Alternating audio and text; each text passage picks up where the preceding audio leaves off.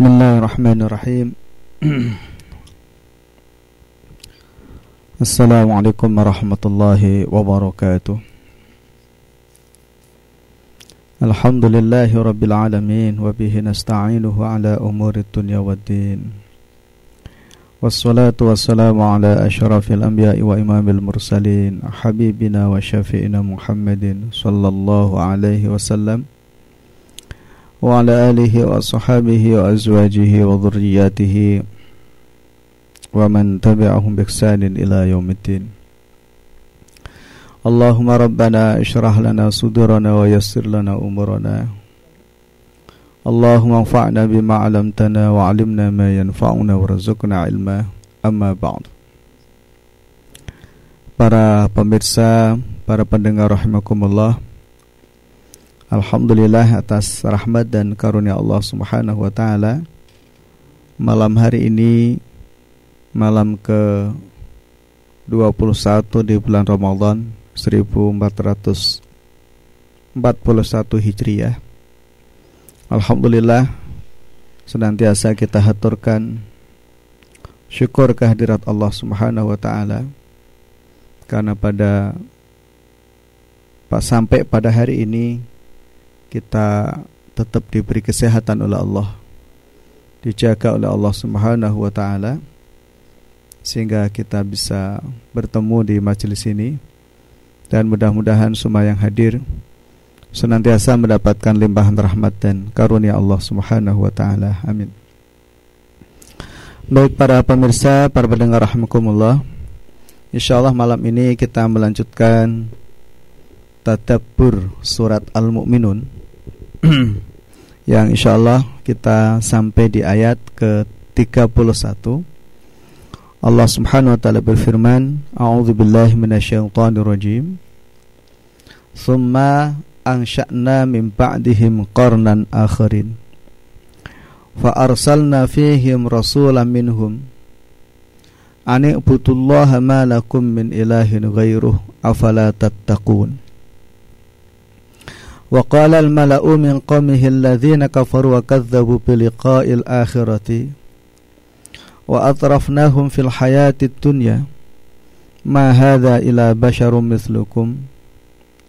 يأكل مما تأكلون منه ويشرب مما تشربون. ولئن أطعتم بشرا مثلكم إنكم إذا لخاسرون.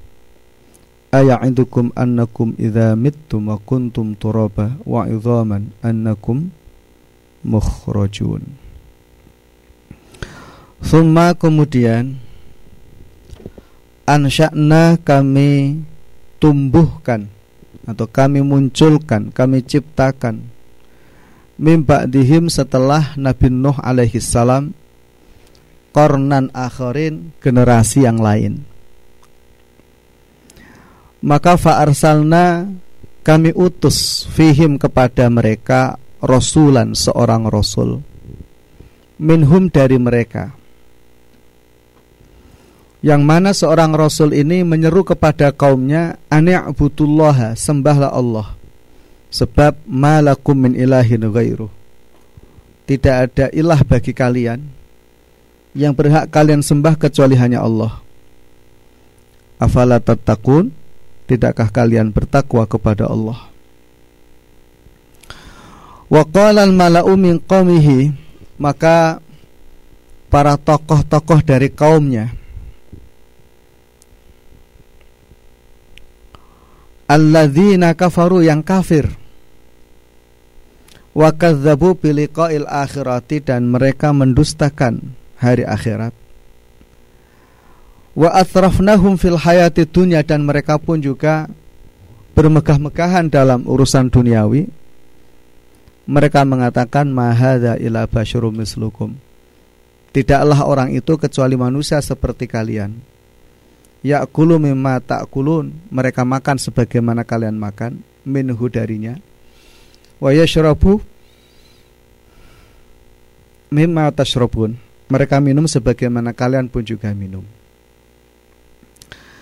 Nah walain ata'tum jika kalian taat basyaran kepada manusia mislakum seperti mereka, seperti kalian innakum idzal khasirun sungguh kalian ini orang-orang yang merugi. Baik, para pemirsa, para pendengar rahimakumullah. Di ayat ini Allah Subhanahu wa taala bercerita tentang peradaban yang muncul setelah Nabi Nuh alaihi salam. Allah katakan di dalam ayat itu, "Summa angsha'na mim ba'dihim qarnan akharin." Kemudian kami munculkan setelah mereka Nabi Nuh yaitu kaum yang lain. Di situ menggunakan kata kornan ya sebagian ulama ahli bahasa menjelaskan karena ini durasi waktunya sangat panjang dari kata kurun. Ya, kita pun memiliki bahasa kurun. Kurun itu adalah 100 tahun. Ya, satu kurun, dua kurun, tiga kurun ya. ya jadi 100 tahun itu dianggap kurun itu juga menjelaskan betapa panjangnya peristiwa itu ya sehingga kemudian Allah Subhanahu wa taala memunculkan generasi baru masa setelah Nabi Nuh alaihi salam. Nah, para ulama ahli sejarah mengatakan siapakah mereka yaitu kaum Ad atau kaum Samud. Dua-duanya dibenarkan.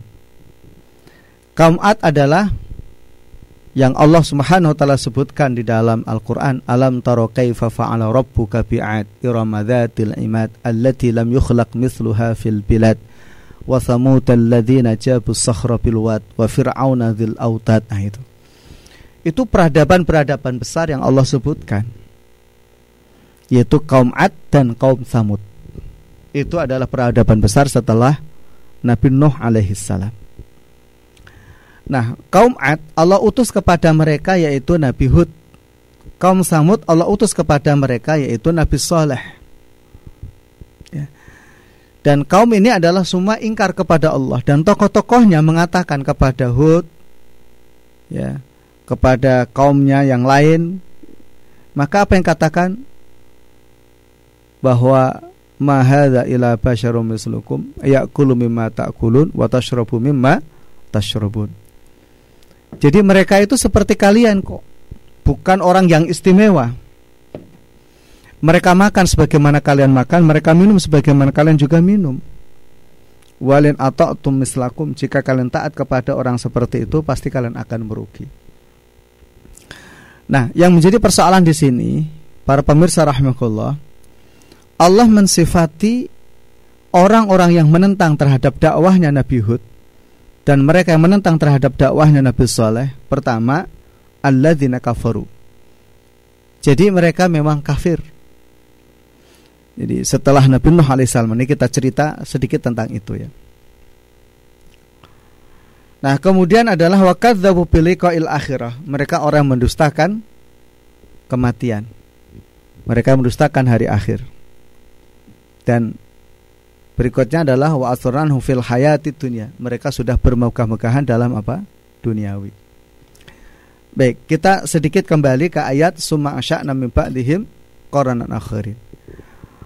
Para ahli sejarah mengatakan Nabi Nuh alaihi salam memiliki empat putra yaitu satu Kanan, kedua Syam, ya, dan kemudian ketiga Ham, dan keempat adalah Yafis. Ini cerita ahli sejarah termasuk juga yang diceritakan oleh Al-Imam Ibnu Katsir dalam kitab Al-Bidayah wan Nihayah. Nah, Kanan itu sudah wafat di masa banjir bandang. Sehingga putra Nabi Nuh alaihissalam tinggal tiga. Syam ini yang kemudian melahirkan bangsa Arab Syam ini yang kemudian melahirkan bangsa Arab. Maka ada namanya negeri Syam bin Nuh. Jadi menginduk kepada Syam itu. Yang dulu kekuasaan kekuasaan Syam mulai dari negeri Babilonia yaitu Irak, Persia, ya Iran, Irak itu. Terus sampai kemudian ke Saudi Arabia, sampai kemudian ke Yaman, gitu ya. Itu dulu adalah kekuasaan Syam. Jadi satu jalur itu yang kemudian hari di masa Nabi itu disebut namanya daerah Hijaz. Nah, kemudian Ham, putra Nabi Nuh yang lain, itu adalah menjadi cikal bakal orang-orang di Afrika.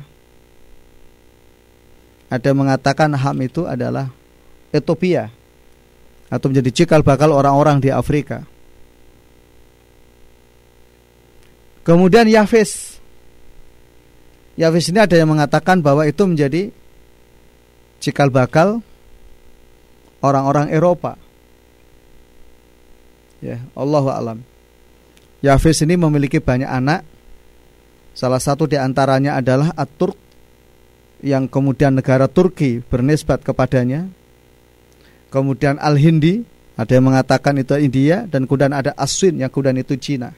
Allah alam bisawab. Ini mereka cerita para ahli sejarah yang mengatakan demikian. Tapi terlepas dari itu, bahwa Allah mengatakan summa asya'nahu min ba'dihim qarran akhirin. Jadi memang Allah Subhanahu wa taala memunculkan peradaban baru setelah Nabi Nuh alaihi salam. Yang awalnya mereka adalah orang-orang yang beriman dan bertakwa kepada Allah Subhanahu wa taala. Tapi karena tipu daya syaitan yang begitu besar kepada mereka hingga kemudian mereka pun juga kafir kepada Allah Subhanahu wa taala. Baik, kita lihat dari negeri Syam. Ya, negeri Syam yang kemudian menjadi cikal bakal peradaban besar. Yang di situlah kalau kemudian kita lihat Syam ini termasuk orang yang pandai bertani. Maka dulu daerah Syam ini adalah daerah pertanian yang hebat. Itu zaman dulu daerah wilayah pertanian. Karena di, di sepanjang itu ada sungai besar namanya Efrat yang kemudian membelah negara Irak. Ya, kalau di Indonesia itu ada Bengawan Solo, ada Berantas kalau sampai di Jawa Timur ya. Kalau di Jogja ada apa namanya? Kulon Progo. Ya. Ada Kali Progo namanya. Negeri yang ada di sebelah baratnya sungai disebut namanya Kulon Progo. Jadi Jogja terbelah dengan sungai yang begitu besar. Allah alam. Jadi maka kemudian masyarakat atau keturunan Syam ini menjadi makmur karena pertanian itu. Sampai kemudian mereka lupa kepada Allah Subhanahu wa taala. Nah, ketika mereka sudah sampai pada puncak kejayaan dan kemuliaannya, itu yang kemudian Allah ceritakan, alam taro kaifa fa'ala rabbuka bi'ad irama dhatil imad allati lam yukhlaq misluha fil bilad.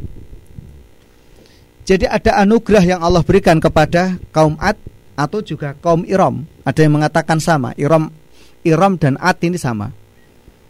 Ada yang mengatakan Iram itu adalah kaum Ad yang pertama, Ad itu adalah kaum Ad yang kedua.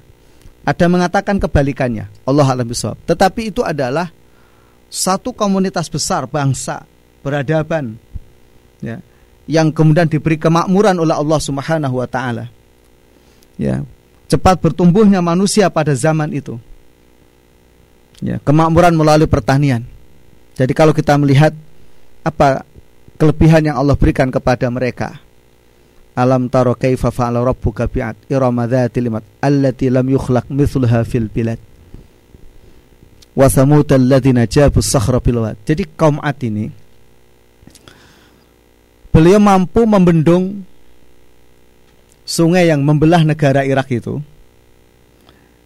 dan kemudian air dari sungai tersebut dibuat sungai-sungai kecil atau selokan kecil yang mengairi ribuan hektar tanah di sekitar situ.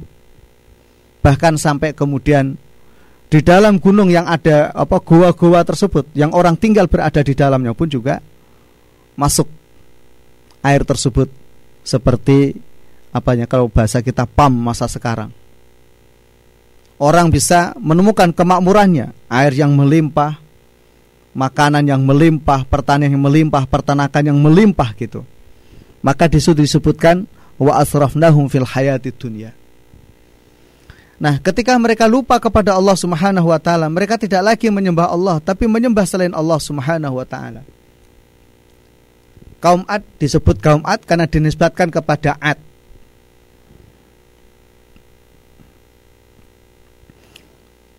At itu memiliki sumpah bahwa dia akan membangun sebuah kota yang mirip seperti surga Aden. Dan itulah yang terjadi.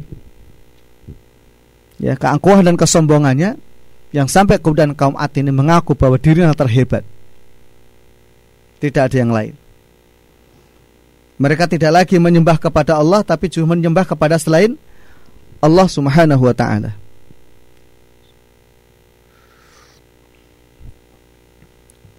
Maka kemudian Allah Subhanahu wa taala utus Nabi Hud alaihi salam.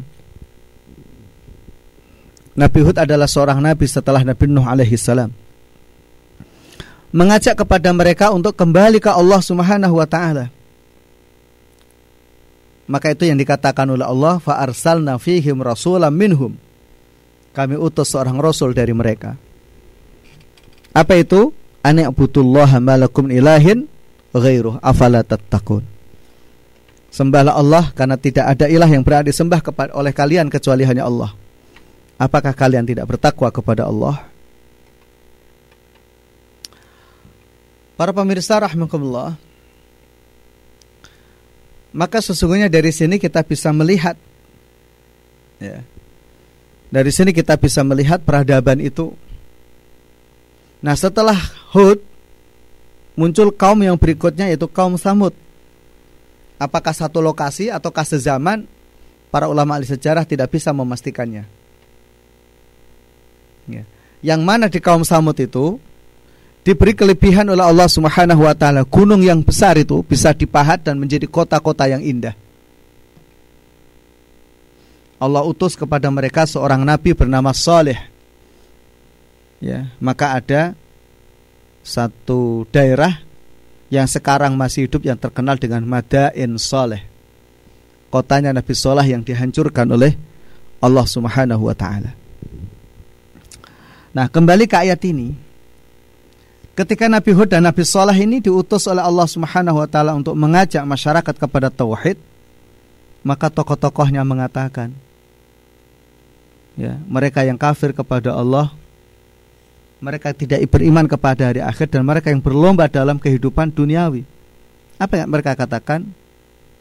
Mahada ila basyarum mislukum ya'kuluna uh, mimma ta'kulun wa tashrabuna mimma tashrabun.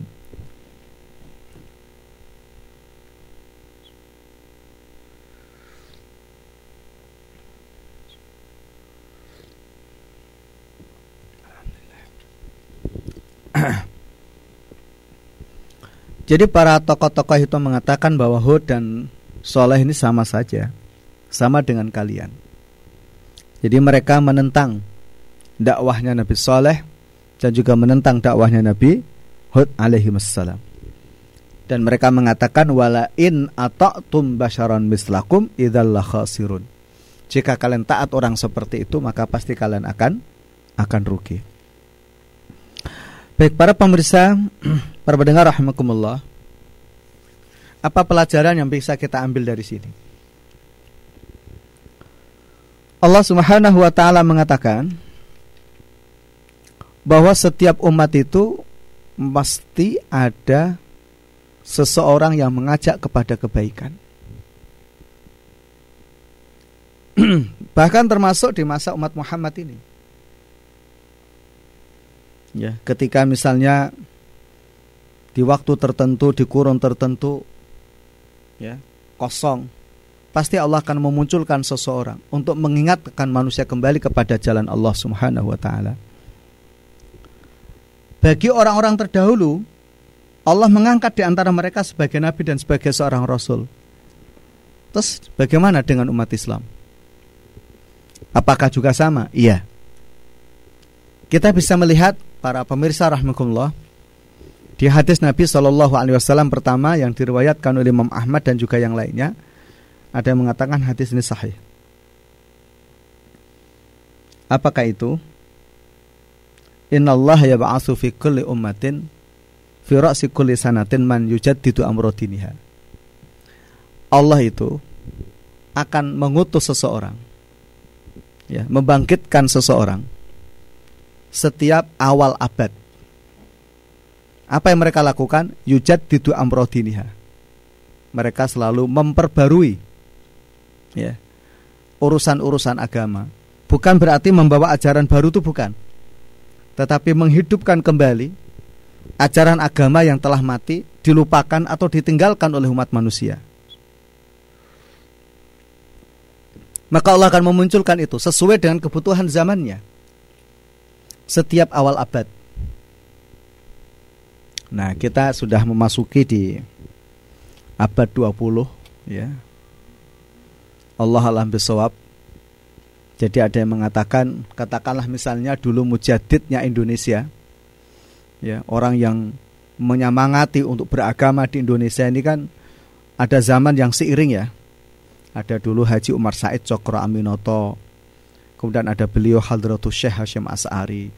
Kemudian ada beliau apa namanya Ali Syariati. Ya, ada lagi siapa itu uh, pendiri Muhammadiyah Ki Haji Ahmad Dahlan ya. Dan mungkin yang lainnya yang zaman dengan itu ya. Semoga Allah merahmati semuanya. Ya. Kalau kemudian dihitung sampai sekarang sudah mau mendekati 100 tahun. Nah kita lihat siapa yang akan Allah utus. Siapa yang akan Allah angkat untuk kemudian membangkitkan kembali semangat manusia untuk beragama kepada Allah. Begitu juga umat-umat terdahulu Ya. Allah katakan di dalam surat Fatir, wa immin ummatin illa khala fiha nadhir. Tidak ada satupun umat yang kosong. Ya. Tidak ada satupun umat yang kosong kecuali ya, pasti di situ ada orang yang apa? memberikan peringatan. Wa ummatin illa fiha khala nadhir, memberikan peringatan. Dan juga di ayat berikutnya nanti Allah jelaskan mengenai tentang hal tersebut bahwa Allah Subhanahu wa arsalna min ba'dihim rusula tatra. Setelah itu kemudian Allah Subhanahu wa taala mengutus seorang rasul terus berkesinambungan, terus menerus. Ya. Jadi dari sini pun kita juga bisa menangkap yang kedua, ibrah yang kedua, para pemirsa rahmatullah. Allah itu tidak akan membiarkan hambanya itu dalam kebodohan. Allah ingin manusia itu bisa mengenalinya, mengenali Allah, mengenali dirinya mengenali hakikat hidup manusia. Maka Allah utus seseorang untuk menjelaskan hal itu kepada mereka, mendakwahkan mereka, mengajak mereka kembali kepada jalan Allah Subhanahu wa taala. Ya. Kembali kepada Allah Subhanahu wa taala. Kalau di zaman itu seorang nabi atau seorang rasul, maka di zaman sekarang sebagaimana tadi yang disampaikan oleh Nabi Shallallahu alaihi wasallam, ahlul ijtihad dan ahlul tajdid ya. Nah, ini rahmat dan karunia Allah Subhanahu wa taala karena Allah tidak ingin hambanya itu dalam keadaan yang sesat. Ya, Allah Subhanahu wa taala tidak ingin hambanya itu dalam keadaan yang menderita tanpa ada seorang pun yang memberikan petunjuk kepadanya. Nah, oleh karena itu Allah utus seorang nabi, Allah seorang rasul di setiap zaman. Ya. Kemudian yang kedua, sebab-sebab orang itu kafir itu apa? Nah, gitu ya. Sebab-sebab orang itu menentang Allah itu apa gitu. Kita selalu sampaikan para pemirsa rahmatullah bahwa di dalam diri manusia itu ada dua penyakit. Ya. Satu nafsu, yang kedua adalah syahwat.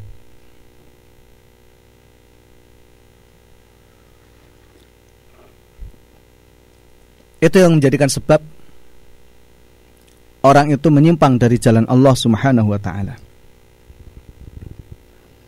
Nah, kemudian yang kedua, di antara sebabnya lagi selain itu apa? Yaitu al-itraf fil hayati dunia. Mereka makmur dalam urusan duniawi. Dan memang kalau kita lihat sejarah banyak yang begitu. Ya, negeri yang dimakmurkan oleh Allah yang kemudian juga Allah sebut baldatun thayyibatun wa rabbun ghafur ya, negeri yang indah, negeri yang makmur dan mendapatkan ampunan dari Allah Subhanahu wa taala. Baldatun thayyibatun wa rabbun ghafur. Tapi ternyata sebab kekufuran manusia itu adalah berlimpahnya harta. Maka di situ tadi ayatnya menyebutkan wa asrafnahum fil hayatid dunya. Dan memang kebanyakan begitu. Sekalipun kemiskinan pun juga bisa menjadikan sebab orang kufur Karena Rasulullah pun juga mengatakan kadal fakru ayakuna kufron. Jadi kefakiran, kemiskinan pun juga bisa menghantarkan seseorang menuju kepada apa? Kekufuran. Wong sugih ya iso dadi kufur, wong melarat ya iso dadi kufur. Sopo ora kufur? Tengah-tengah. Wah, orang yang dicari tengah-tengah ya, tawasud. Nah ini para musyrahmukumullah. Jadi harta dan kekayaan itu hanyalah zinatun min hayati dunia itu hanya perhiasan duniawi semata. Jika orang tidak sanggup untuk mengelolanya, ya, jika orang tidak sanggup untuk mengendalikannya, ya, maka itu yang kemudian akan menjadi pintu kerusakan. Karena apa? Hubbud dunia. Ya, hubbud dunia. Oleh karenanya hati-hati ketika misal Allah Subhanahu wa taala alhamdulillah melimpahkan banyak harta bisa jadi banyaknya harta itu orang menjadi kufur. Ya, maka berhati-hatilah agar seseorang itu tidak kufur dari jalan Allah Subhanahu wa taala. Nah oleh karenanya di dalam Al-Quran Allah Subhanahu Wa Taala selalu mengingatkan kepada kita bahwa innamal hayatud dunya la'ibun walahun. Kehidupan dunia itu hanya sekadar apa? Permainan dan senda guru. Ya. Nah sehingga karena itu adalah permainan dan senda guru, orang hanya diperintahkan untuk mengambil duniawi itu secukupnya saja sesuai dengan kebutuhan.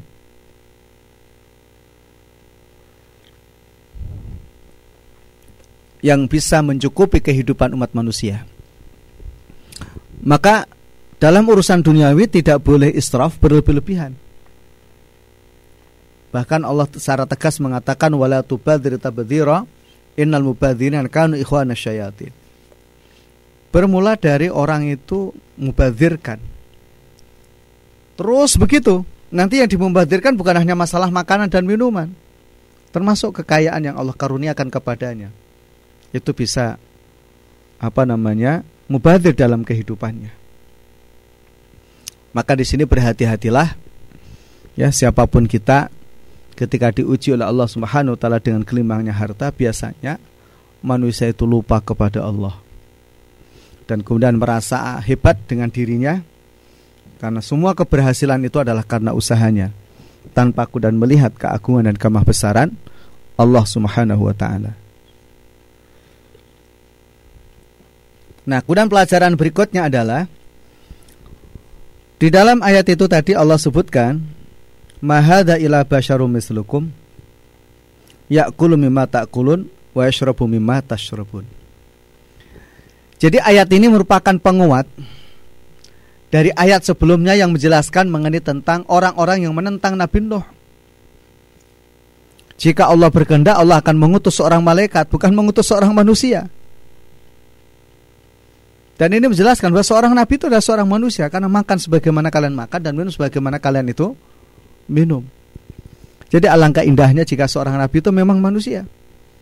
Coba kalau nabi itu malaikat atau jin gitu ya, yang tidak punya syahwat, ya malaikat yang tidak punya syahwat. Ini jadi repot semua kita. Ya. Kita tidak bisa mengambil teladan karena kehidupannya berbeda. Oleh karena itu, supaya nabi ini diterima oleh masyarakat, rasul itu diterima oleh masyarakat, maka dari golongan mereka sendiri. Ya, kata min anfusikum nah ini memiliki banyak makna. Satu bisa jadi satu jenis yaitu manusia-manusia. Jadi Allah tidak menciptakan nabi itu dari golongan jin atau dari golongan malaikat tidak, tapi dari golongan manusia. Ya, yang makan dan minum. Nah, kenapa seorang nabi kok dari manusia? Supaya nanti ke depan orang itu tidak lagi mengkultuskan seorang nabi. Atau bahkan menjadikan makhluk Allah itu sembahannya. Karena sama dengan mereka. Dan itu juga dikatakan oleh Al-Qur'an innama ana basyarum mislukum walakin yuha. Ya. Rasulullah katakan kepada umatnya yang diceritakan oleh Al-Qur'an itu bahwa saya ini juga manusia seperti kalian. Kalian tidur, aku juga tidur. Kalian makan, aku juga makan dan begitu seterusnya. supaya orang yang mengikuti nabinya ini tidak menjadikan nabi itu sebagai Tuhan. Karena apa? Faktanya makan dan minum sebagaimana mereka itu juga makan dan dan minum. Bahaya ketika mereka menempatkan seorang nabi, seorang rasul itu sebagai sebagai Tuhan. Maka Allah Subhanahu wa taala tidak menghendaki bahkan mengkritik pedas terhadap mereka yang menjadikan manusia itu sebagai Tuhan. Bahkan misalkan di dalam surat Al-Maidah Allah Subhanahu wa taala menceritakan bagaimana Allah tegas menegur Nabi Isa alaihi salam. Qala Allahu ya Isa a'attakhidhu wa umyahani ilahan min dunillah. Apakah kamu yang menjadikan dirimu dan ibumu sesembahan selain Allah? Nabi Isa menolak karena Nabi Isa tidak mengajarkan kepada umatnya untuk menyembah dirinya, tapi menyembah kepada siapa? Allah. Tetapi manusia itu mudah juga terpercaya oleh hal-hal yang mohon maaf kalau bahasa sekarang mistik. Ya, jadi wah ini ada apa ya? Jadi identik dengan keajaiban nabi atau wali atau apa itu identik dengan apa? Keajaiban, keajaiban begitu bisa ini, bisa itu, bisa ini, bisa itu gitu. Sehingga yang ada dalam diri mereka kalau ada nabi kok mangan sama, makan sama gitu. Wah, mosok nabi kok mangan. Nah gitu. Yo nabi nek iso yo mangan. Yo rusak. Oh nabi itu juga apa? Seorang manusia. Nabi itu juga seorang manusia gitu. Ya kalau beda jadi repot itu. Gitu. Maka ketika kemudian orang mengangkat orang sebagai Tuhan gitu, Allah marah. Dan Allah tegas mengatakan laqad kafarul ladzina qalu innallaha salisus salasah. Sungguh kafir orang yang telah mengatakan bahwa Tuhan itu adalah salah satu di antara tiga itu. Tuhan Bapak, Tuhan Ayah, dan Tuhan Anak. Tuhan Ibu, Ayah, Bapak, Anak. Jadi Allah marah murka dengan pernyataan sebagian masyarakat. Begitu juga Allah juga murka kepada mereka mengatakan bahwa Isa adalah Tuhan, Tuhan adalah Isa. Atau mengatakan bahwa Isa adalah jelmaan Tuhan gitu. Wah, Masya Allah. Jadi Tuhan menjelma dalam diri manusia. Gimana Tuhan menjelma dalam diri manusia?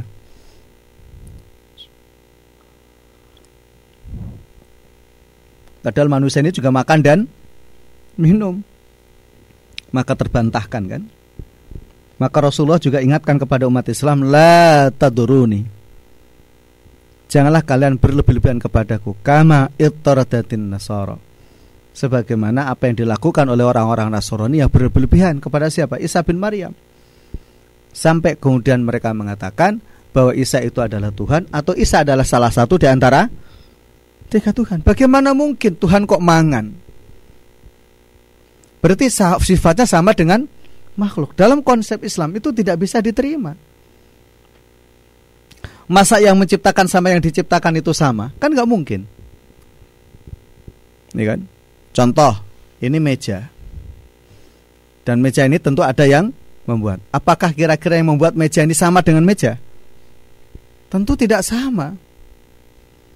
Maka laisa kamis lihi syai'un. Allah itu tidak sama dengan apa pun. Walam yakullahu kufuwan ahad tidak ada setara dengan Allah. Jadi bagaimana mungkin orang tiba-tiba mengangkat manusia itu sebagai apa? Sebagai Tuhan. Nah, maka di situ menarik kalimat yang disampaikan umat yang Nabi Nuh, ya. Kalian dia makan sebagaimana kalian makan, dia minum juga sebagian kalian itu minum untuk memberikan penjelasan bahwa Nabi ini manusia sebagaimana yang lain tidak bisa diangkat sebagai Tuhan atau dipertuhankan. Tidak bisa. Tapi kalau kemudian orang itu mempertuhankan Nabi, bahaya itu dosa. Karena apa nanti ujung-ujungnya adalah melakukan apa? Perbuatan syirik atau menyekutukan Allah Subhanahu wa taala. Baik, kemudian berikutnya adalah kalimat walain ata'tum basyara mislakum innakum idzal khasirun.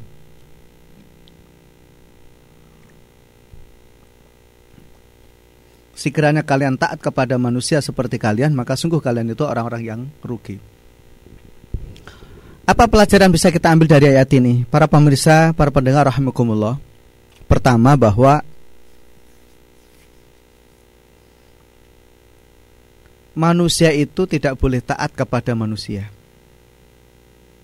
Maka dalam satu hadis Rasulullah mengatakan begini, sahih riwayat Muslim. Seandainya jika manusia itu boleh sujud kepada manusia, akan aku perintahkan seorang istri itu sujud kepada suaminya. Kenapa? Begitu besarnya hak kewajiban yang harus ditunaikan oleh seorang istri kepada apa? Suaminya. Itu menjelaskan Nabi mengatakan seandainya diperbolehkan itu berarti memberikan penjelasan manusia tidak boleh sujud kepada siapa? Manusia. Nah kalimat ini diungkapkan oleh umatnya Nabi Hud seakan-akan memberikan penjelasan selama ini karena memang yang mereka taati bukan Allah tetapi siapa? Manusia. ketika manusia itu taat kepada manusia tentu ini akan menimbulkan persoalan yang sangat besar. Tapi kenapa? Kita dalam Islam misalnya syariat itu menegaskan ya bahwa istri harus taat sama suami, anak harus taat sama orang tua. Rakyat harus taat kepada siapa? Ulil amri. Ketaatan itu karena mengikuti perintah Allah dan Rasulnya. Allah perintahkan seorang istri untuk taat kepada suami, Allah perintahkan seorang anak untuk taat kepada orang tua, Allah perintahkan rakyat taat taat kepada siapa? Ulil amri. Jadi ketaatan mereka hakikatnya itu adalah taat kepada Allah karena mengikuti perintah Allah. Oleh karena itu, bingkai ketaatan itu harus dalam bingkai syariat. Bingkai ketaatan itu harus dalam bingkai tauhid. Kalau kemudian ketaatan itu sudah melepaskan diri dari syariat dan ketauhidan, maka itu tidak boleh. Ibroh yang bisa kita ambil yang sudah kita sampaikan di materi sore ya tentang birrul walidin. Wa in jahadaka ala an tusyrika bima laysa ilmun fala tuti'huma. Seandainya kedua orang tuamu itu memaksamu untuk berbuat syirik kepadamu, maka jangan kamu taati. Ya, jadi ayat itu menjelaskan tidak mentaati pada bab perintah yang menjerumuskan kepada apa? Kemusyrikan. Oleh karena itu juga dikuatkan dengan hadis Nabi, la ta'ata li makhluqin fi ma'siyatil khaliq. Ya, tidak boleh seseorang itu taat kepada makhluk jika itu bermaksiat kepada Allah. Sehingga apa? Ketaatan manusia kepada manusia itu dalam rangka karena taatnya kepada Allah dan Rasulnya sebagaimana seorang anak taat kepada orang tua ya karena memang perintah Allah begitu istri harus taat kepada suami yaitu perintah Allah begitu ya rakyat harus perintah kepada pemimpin ya perintah Allah begitu gitu jadi motifnya itu adalah Allah Subhanahu wa taala nah umatnya Nabi Nuh ini ketika dia mengatakan lain ata'tum basyaran mislakum itu juga memberikan penjelasan bahwa tradisi dan budaya kaum Ad pada saat itu sudah menyembah siapa? manusia. Jadi sudah manusia yang disembah gitu. Bukan lagi Allah Subhanahu wa taala. Kenapa dikatakan kalau menyembah Hud itu rugi gitu? Karena Hud ini dianggap manusia yang tidak terpandang di kalangan mereka. Ya. Karena memang demikian masyarakat masyarakat itu atau kaum Ad itu menganggap Nabi Hud itu bukan orang yang istimewa. Karena apa? Karena tidak punya harta, tidak punya kekuasaan mereka menganggap istimewa itu kalau orang itu punya harta dan punya kekuasaan. Allah akbar walillahilham. Nah, kembali ke ayat ini uh, tentang ketaatan tadi ya. Maka la ta'ata li, makhluqin fi maksiatil khaliq. Jadi ketaatan ini dalam bingkai ketika orang itu taat kepada Allah Subhanahu wa taala. Nah, baik. Kemudian yang berikutnya pelajaran bisa kita ambil walain atau tumbasyaram mislakum innakum idallah khasirun gitu ya. Bahwa ketika manusia itu mentaati manusia tanpa melihat salah dan benar. Bahkan termasuk ketika anak itu taat kepada orang tua tanpa melihat apakah ini perintahkan itu salah atau benar, maka suatu ketika orang itu pasti akan mengalami apa?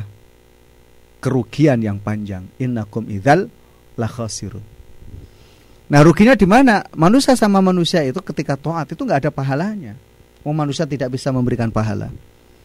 Yang bisa memberikan pahala itu hanya Allah Subhanahu wa taala, maka ketaatannya itu harus tulus dan ikhlas kepada siapa? Allah Subhanahu wa taala, bukan kepada selain Allah Subhanahu wa taala.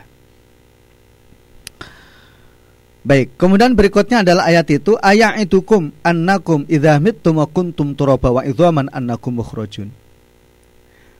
Bukankah kalian itu dijanjikan sebuah cerita? Idza mittum ketika kalian itu sudah mati wa kuntum turaba dan kalian itu sudah bercampur dengan tanah. Dan juga wa hanya tinggal tulang belulang saja. Annakum mukhrajun? Nah, gitu. Ini pertanyaan. Apakah kalian bisa dikeluarkan dari situ? Gitu. Maksudnya dibangkitkan oleh Allah. Jadi seakan-akan orang kafir ini mempertanyakan kepada Nabi Hud gitu. Nabi Hud mengajarkan bahwa orang itu bisa bangkit dari alam kuburnya. Maka mereka orang kafir bertanya mungkinkah orang yang sudah tinggal tulang belulang saja itu bangkit dan bisa hidup kembali gitu mereka tidak percaya atas hal itu maka kemudian mereka menjauhkan diri dari ajaran Nabi Hud karena mereka anggap ajaran Nabi Nuh ini tidak masuk akal. Maka itulah kemudian mereka mengerahkan para tokoh-tokohnya, para pembesarnya agar kemudian menentang Nabi Hud. Ya, agar kemudian mereka menentang nabinya.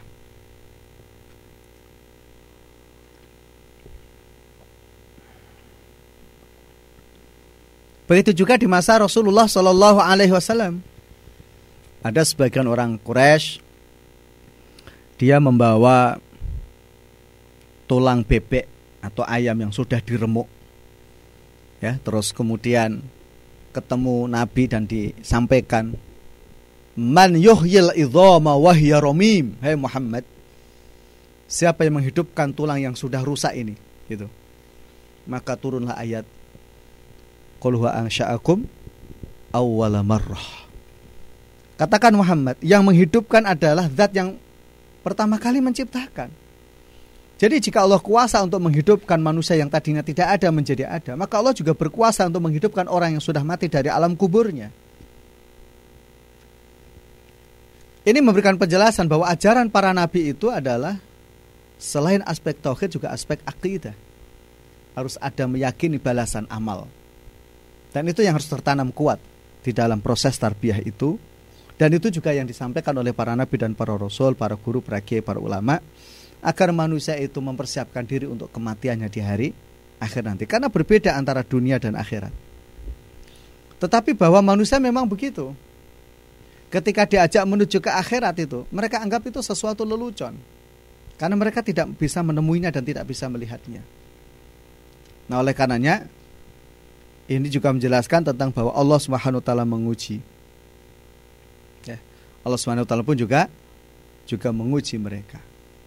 Nah, kemudian ayat berikutnya hayata hayata lima tu'atun. Ini ilah hayatun ya wala namutu wa nahya wa ma nahnu bimub'atsin. Baik itu dulu para pemirsa, insyaallah esok kita lanjutkan yaitu di ayat hayata hayata lima tu'atun. Subhanakallah hamdika أشهد أن لا إله إلا أنت أستغفرك وأتوب إليك. السلام عليكم ورحمة الله وبركاته.